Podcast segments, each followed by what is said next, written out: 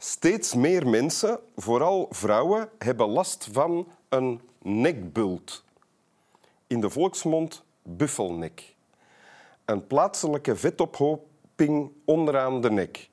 We zien een rechtstreeks verband tussen het toegenomen schermgebruik en de stijgende groep patiënten met een nekbult. Zo zegt dokter Thomas Mathieu. Nekbult. Buffelnek. Linderukken. Allemaal woorden die de ronde doen in ons landje. Welkom bij Winteruur met Wim Helsen, Igor en Amir Bashrouri. Welkom. Merci.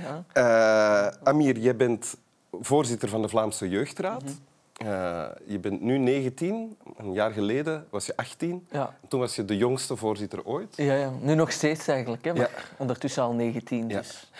En de Vlaamse Jeugdraad is een adviesorgaan voor uh, de Vlaamse regering. Ja, voor alles wat met kinderen, jongeren en hun organisaties te maken heeft. Ja. Dus je, er worden vragen gesteld aan jullie, of jullie komen zelf met Voilà. voorstellen. Adviezen noemen wij Ja. dat dan. Dus soms wordt vanuit het beleid een advies aan ons gevraagd. Soms merken wij zelf, er zijn jongeren die iets te vertellen hebben en dan gieten wij dat in een advies. Ja.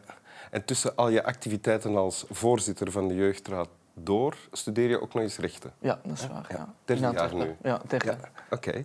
Wil je, dus je wil advocaat worden? Nee, niet per se. Eh, ik heb het vooral gekozen omdat ik niet wist wat ik anders moest doen. Ah, oké. Dus je begint met rechten en daarna zien we nog wel. We zien wel. Oké. voilà. Goed, en je hebt een tekst meegebracht. Ja. Je leest omdat de kracht van je te verplaatsen in een ander je beter in staat stelt om je mannetje te staan in het leven. Van Abdelkader Benali. Yes. Ja, oké.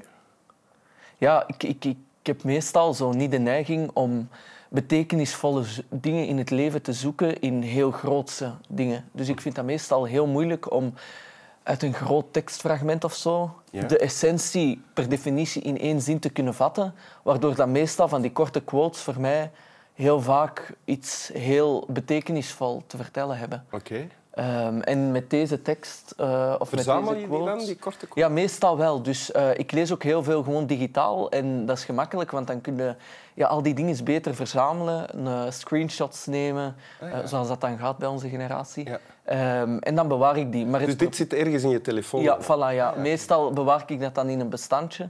Eh, maar het probleem is dat ik meestal niet de titel schrijf van een column of van het essay of het boek waaruit ik ze heb gehaald.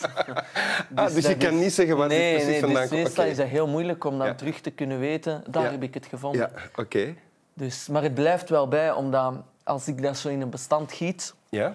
als ik het dan herlees en soms dan bijvoorbeeld iets van Ben Ali of dan iemand die helemaal hè, eh, Multatuli of zo leest, dat zijn teksten die meestal niets met elkaar te maken hebben, maar door die quotes kun je ergens toch wel een link vinden Ja. tussen verschillende dingen die daar worden aangehaald. Want je hebt dit gekozen waarschijnlijk, denk ik, omdat iets van wat hier gezegd wordt eh, resoneert met wat jij ook denkt of hoe je het ervaart. Ja, absoluut. Vooral omdat het gaat over de kracht van het lezen. ehm, en vooral de kracht van het lezen in het ontwikkelen van empathie. Ehm, want ik heb meestal zo het gevoel dat we in een samenleving leven waar dat het vooral draait om, om terluids te moeten schreeuwen. Ehm, en meestal door gewoon te lezen op een avond ergens in een hoek te zitten, u neer te ploffen en dan in een boek gewoon iets te kunnen lezen. Dat zorgt ervoor dat je tijd nodig hebt om te moeten inleven in een ander en vooral je eigen vanzelfsprekendheden of evidenties in vraag te stellen. Ehm, en dat is iets wat een boek heel goed kan doen. Eh, Heb je een voorbeeld van een boek waarmee je dat onlangs hebt gehad? Ja, ik, ik moet zeggen dat ik recent het boek van Lalegul, Ik ga leven, heb gelezen. Ja? Die hier ook Ehm, te gast is geweest ja, in Winteruur? Yes. En ehm, ja, ik begon eigenlijk met grote verwachtingen aan dat boek, omdat er heel veel over werd geschreven in de media. Ze heeft daar ook bedreigingen aan overgehouden. Ehm, en het was vooral ook omdat het verhaal in mijn ogen helemaal niet gelijklopend was met het levensverhaal dat ik heb doorgemaakt. Ja, in het verhaal wordt, vertelt zij over hoe zij zich beklemd voelt door, haar eh, streng islamitische omgeving. Ja. Ja. Ehm, en eh, zij heeft een Turkse achtergrond, komt ook uit Nederland. Eh, maar dat zijn allemaal dingen die ik helemaal niet heb meegemaakt of ik heb dat nooit zo aangevoeld. En ik had in het begin ook zoiets van, oei ja, dat boek, ik ben benieuwd wat dat daar gaat instaan. Um, en gaande de weg dat, dat ik het las, herkende ik wel bepaalde elementen die ook in mijn omgeving soms vanuit andere mensen mij ter sprake of ter oren waren gekomen. Um, en dat is denk ik wel ook weer al de kracht van het lezen. Ik werd verplicht om in het hoofdpersonage van Bushra, hè, dus het hè, hoofdpersonage in de autobiografische roman van Lalegul, ja? uh, met te nestelen en te begrijpen door welke struggles zij moest gaan om in haar leven ja, gewoon te kunnen leven. Um, en daarmee dat ik het ook zo mooi vond, omdat je daar die ontbolstering van iemand die snakte naar vrijheid eigenlijk voelde op elke pagina. Um, en dat is waarom dat ik deze quote heel treffend vind, omdat het gaat over boeken die eigenlijk voor iedereen wel een individuele betekenis hebben en ook op elk moment een andere betekenis. Als ik het boek van Lalegul vandaag zou herlezen of deze quote, ja, hoe meer boeken ik lees, hoe anders ik de tekst interpreteer. Ja. Ja, want ik vraag me af, als je dat boek dan leest, denk maakt dat jou ook dankbaar? Ik bedoel, in de zin van, ik herken wel dingen, maar ik heb het niet als zo beklemmend ervaren of zo erg was het bij mij niet. Ja, je, je wordt natuurlijk, en dat is de kracht hè, van een boek of, of van het lezen, dat je daardoor je eigen positie ook tegen een kritisch licht werpt of zo. En dan, dan ga je er wel twee keer over nadenken van oeh, ik ben daar wel gespaard van gebleven. En daar ben ik heel dankbaar voor. En ik denk dat we dat soms ook missen in onze samenleving. Allemaal de dankbaarheid voor de positie waar dat we toch wel in leven. En maakt dat jou ook... Want je had het daarnet over empathie. Mhm. En um, de, in de debatten die tegenwoordig gevoerd worden op Twitter en daarbuiten, is er veel uh, van wat we dan noemen uh, tegenstelling hè, met, met, elkaar. Um,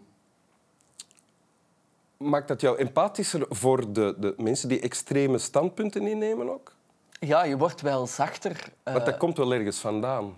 Ja, wel. En dat is wat dat heel, meestal heel mooi is in die boeken of zo. Dat is zoals De Draaischijf van Tom Lanois, waarin dat hem dan heel goed beschrijft eigenlijk hoe ja, doodgewone mensen ook in een bepaalde tijdsgeest toch opgeslorpt kunnen worden ja, door bepaalde gevoelens van melancholie, bepaalde gevoelens van ja, uh, ergens toe te willen behoren tot een groter verhaal.